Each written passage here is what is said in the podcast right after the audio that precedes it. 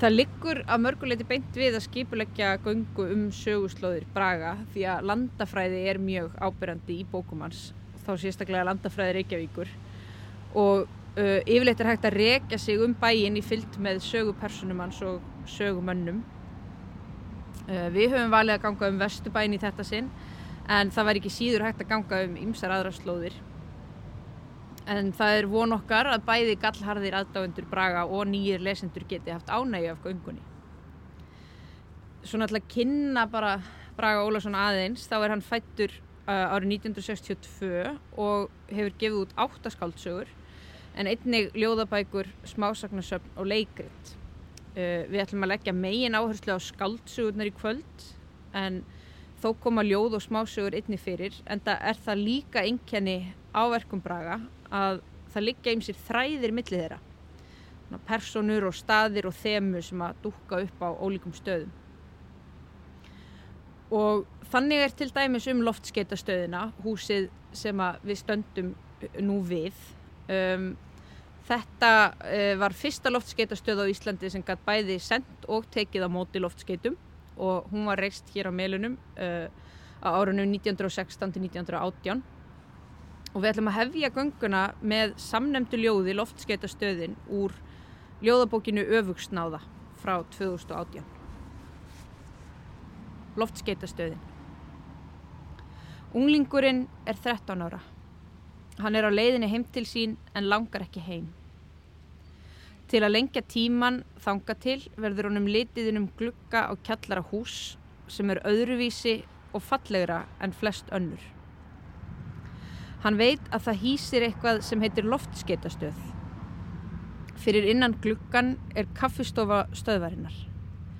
Í kringum tablborð á kvítu borðinu er kókflaska, öskubakki, kaffibolli og kamelpakki tómur og miða við stöðuna á reytunum svörtu og hvítu á hvítur leik. Hann er í vonlausri stöðu. Vonlaus er staða unglingsins einnig. Hann þarf að skila sér heim fyrir myrkur.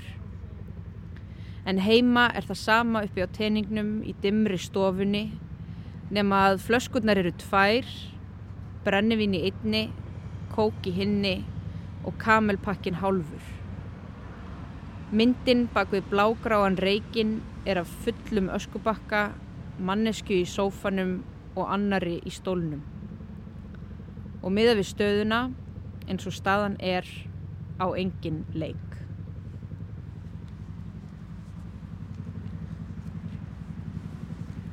Uh, já, eins og Kristín svo að saði hérna áðan þá er þetta sérst ekki fyrsta skipti í þessu ljóði sem að loftskeitastöðin kemur fyrir í verkum Braga. Hún kemur fyrst fyrir í Uh, smásögunni 16. skákin uh, sem kom í, byrtist í smásagnasafnu við hinn er enginnisklættu sem kom út 2003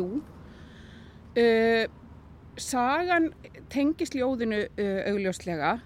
Þetta er fullorðin sögumadur sem segir frá æskuminningu þegar hann kemur hérna eftir að hafa verið að leik með félugum á malavelli hér fyrir aftan. Þá fara þeir að forvittnast um þetta sérstaka hús og gæjast að glugga eins og í ljóðinu.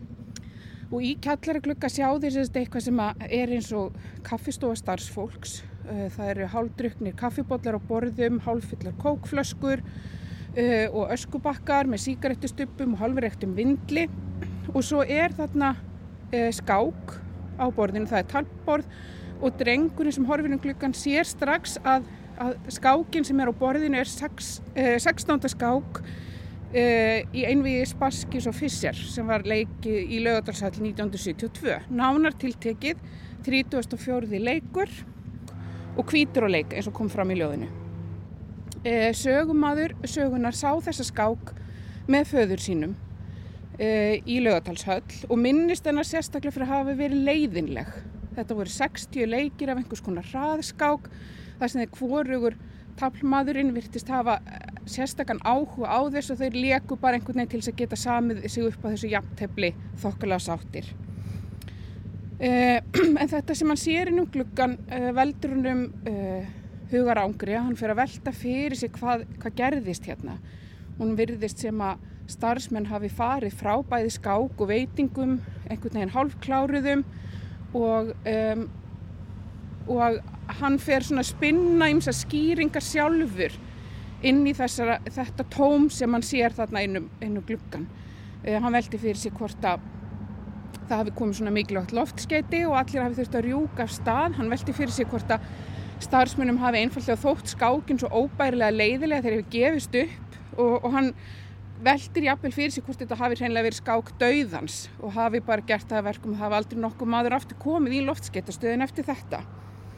Uh, og þetta verði til þess að hann ákveður þarna og stendur enn við ákveðurinn sem fullari maður að, að kíkja aldrei aftur innum gluggaloftsketastöður. Hann vil varði veita þessa minningu svona og við sjáum í því eitthvað sem ég myndi segja væri enkenni á verkum Braga almennt, kannski sérstaklega smásögunum en líka e, skáldsögunum að e, gátan er á einhvern nátt eftirsoknaverðari heldur en svörin við gátunni. Maður vil halda í tómið maður vil halda í þetta opna ástand e, og það er dýrmættar að geta spunnið sjálfur svörin frekar heldur en að fá einhverja endanlega niðurstöðu og stundum byrtist þetta í bókunum sem eitthvað sem personur hugsa eins og hér, þar sem sögumæðurinn vill halda í þetta augnablík, þessa opnu stöðu. Uh, en við sjáum líka að höfundurinn Bræi Ólafsson hugsa oft svona. Hann skilur oft við sín verk þannig að við höfum ekki fengið svör, jafnvelsvör sem við erum alltaf búið að lofa við munum kannski fá. Uh, höfundurinn sjálfur verðist líka að kunna meta þessa opnu stöðu og ég hugsa að við um eftir að vera vör við það hér á göngunni.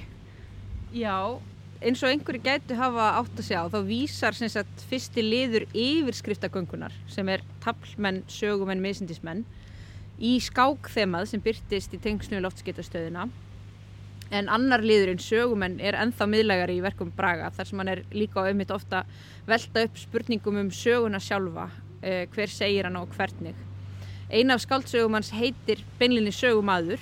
Uh, Svo bók gerist að mestu í miðbæri Reykjavíkur þar sem að við fylgjum sögumanninum eftir þar sem hann þræðir gödurnar í hugmátt á eftir Aroni Cesari manni sem eitt sinn var með stúlkur sem sögumadur létt sér dreymum og hann eldir hann inn og út úr verslunum, veitingahúsum og bíóum og ímyndar sér ímislegt um líf hans og ætlanir sem að kallast á þetta sem Guðrún Lára verið að segja að að við vitum í rauninu ekkert um Aron Sessar við vitum hvað sögumæður ímyndar sér um hann.